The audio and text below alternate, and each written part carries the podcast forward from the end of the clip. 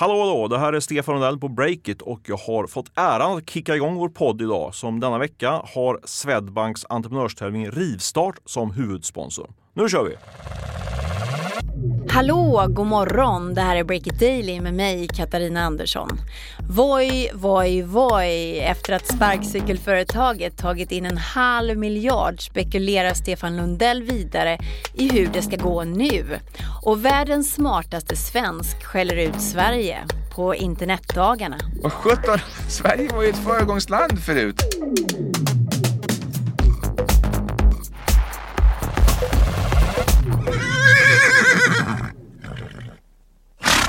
Anrika Högst Hästsport, ett bolag med över 80 år på nacken, håller på att få nya ägare. För nu vill Kamprad-familjen sälja sin majoritetspost i bolaget. Det här rapporterar vi mer om på Breakit-sajten den här morgonen. Och så är årets upplaga av Internetdagarna igång. Eventet har rekordmånga besökare just i år. Och vetenskapsstjärnan Max Tegmark som har kallats för världens smartaste svensk var en av talarna igår. Vi fick en kort pratstund med honom. Välkommen in i poddkapseln. Men då kör vi. Sen Tegmarks bok Liv 3.0 kom ut förra året så har han varnat för artificiell intelligens och många gånger sagt att det är oerhört viktigt att den utvecklas på ett ansvarsfullt sätt så att inte maskinerna tar över. Vi kan inte bara sitta här som medborgare och rulla tummarna och vänta på att politikerna ska göra grejer. Det kommer inte att bli så. Om eh, politikerna börjar märka i opinionsundersökningar att folk tycker att AI och jobben är jätteviktigt, då kommer de att haja till och börja läsa på. Eller om, de, eller om de blir bortröstade för att de gjorde bort sig i en debatt när den andra som de debatterade mot kunde mer om AI än dem. Då vaknar politikerna. Så funkar det. Och AI-professorn som bor i USA, han är också arg på Sverige som fortfarande inte signerat FN-avtalet om att inte bygga stridsrobotar utrustade med artificiell intelligens. Vad sjutton, Sverige var ju ett föregångsland förut och drev på vad det gällde biologiska vapen och mot napalm och så många andra exempel på dålig användning av teknik. Varför ska vi vara så flata nu för tiden? Igår så släpptes bomben. Elsparkcykelföretaget Voi har fått in en halv miljard i investeringar.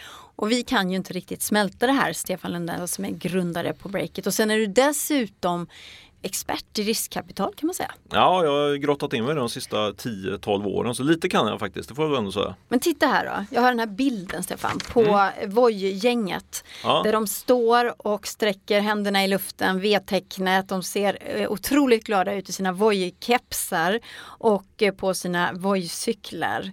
Så här glad blir man väl när man får in en halv miljard. Men hur kan investerarna satsa så mycket i ett helt oprövat företag? Ja, till det första ska man alltid säga tycker jag när man, när man tar in det här med, att man har V-tecken, man har fått in massa riskkapital och sådär. Jag tycker att eh, då har ju bara resan börjat så att säga. Så det är första, första ledet innan man ska leverera på allting man lovat investerarna.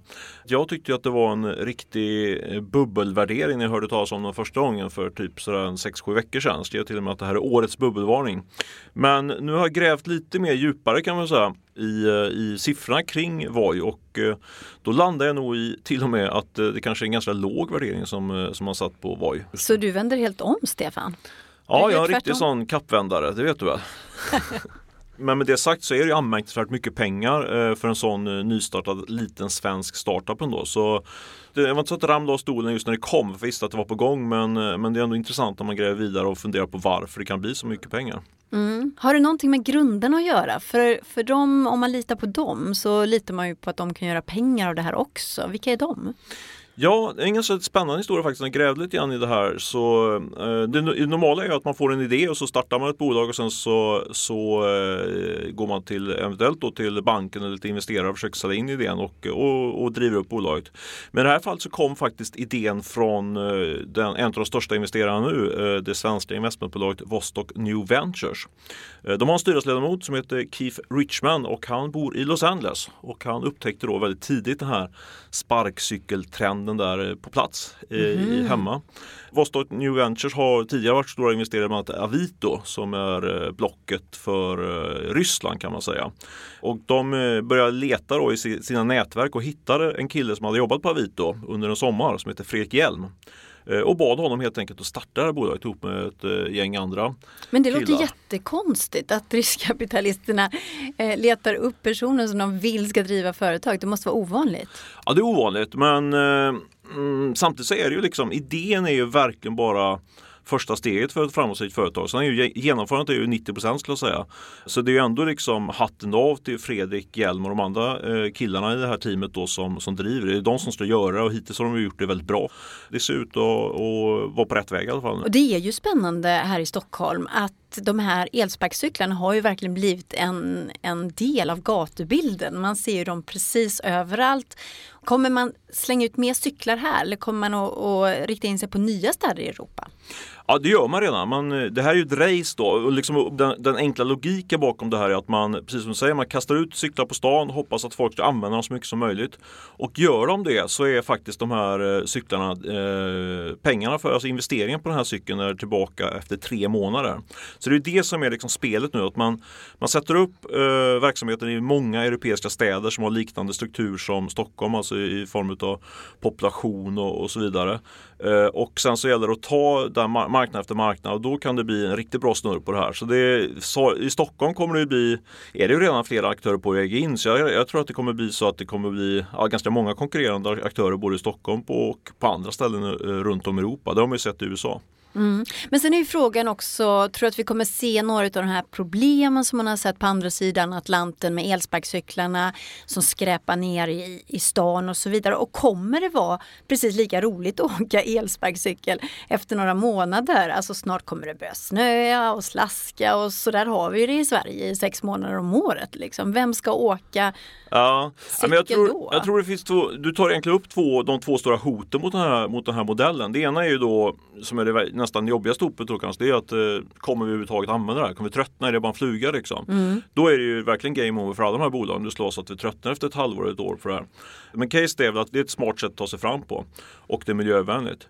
Men det andra då som är kanske större risk, eh, i alla fall på lite kortare sikt, så här, det är att det blir eh, överetablerat. För det vi ser nu är att eh, det är inte bara Voi som får in massa pengar utan det finns ju de stora amerikanska aktörerna som Lime och Bird. Men även i Europa så finns det flera stora aktörer som får in väldigt mycket kapital och det är symptomatiskt då att det är de här stora riskkapitalbolagen som pumpar in pengarna. Så det blir ett race liksom och alla ska göra ungefär samma sak och alla har gjort ungefär samma kalkyler. Så jag tror absolut att det finns en uppenbar risk att det blir väldigt eh, säga, trafikstock utav de här, utav de här mm. elsparkcyklarna på, i många städer. Idag så, så gick de ut och sa att de skulle starta i Göteborg så det, det sprider sig. Så Göteborg är nästa anhalt i Sverige och kan nog säkert bli Malmö också om jag får gissa. Men kommer det här någonsin bli någonting som eh, landsorterna får del av eller kommer det vara alldeles för dyrt för ett företag som Voi och, och rulla ut det här i min hemstad Ulricehamn eller i din hemstad Lysekil till exempel? Ja, Ljungskile! Ja, förlåt!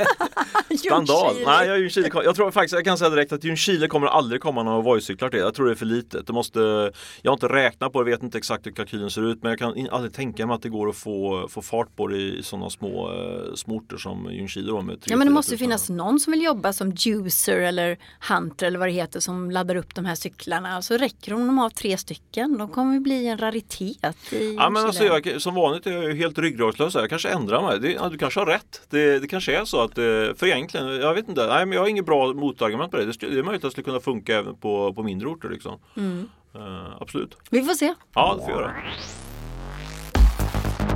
Break It Daily hör du imorgon igen. Och känner du någon generös företagare som vill vara med och sponsra den här podden så hör av dig. För vi letar just nu efter finansiering så vi kan köra vidare den här podden efter jul. Ola Aronsson är ansvarig utgivare och jag heter Katarina Andersson.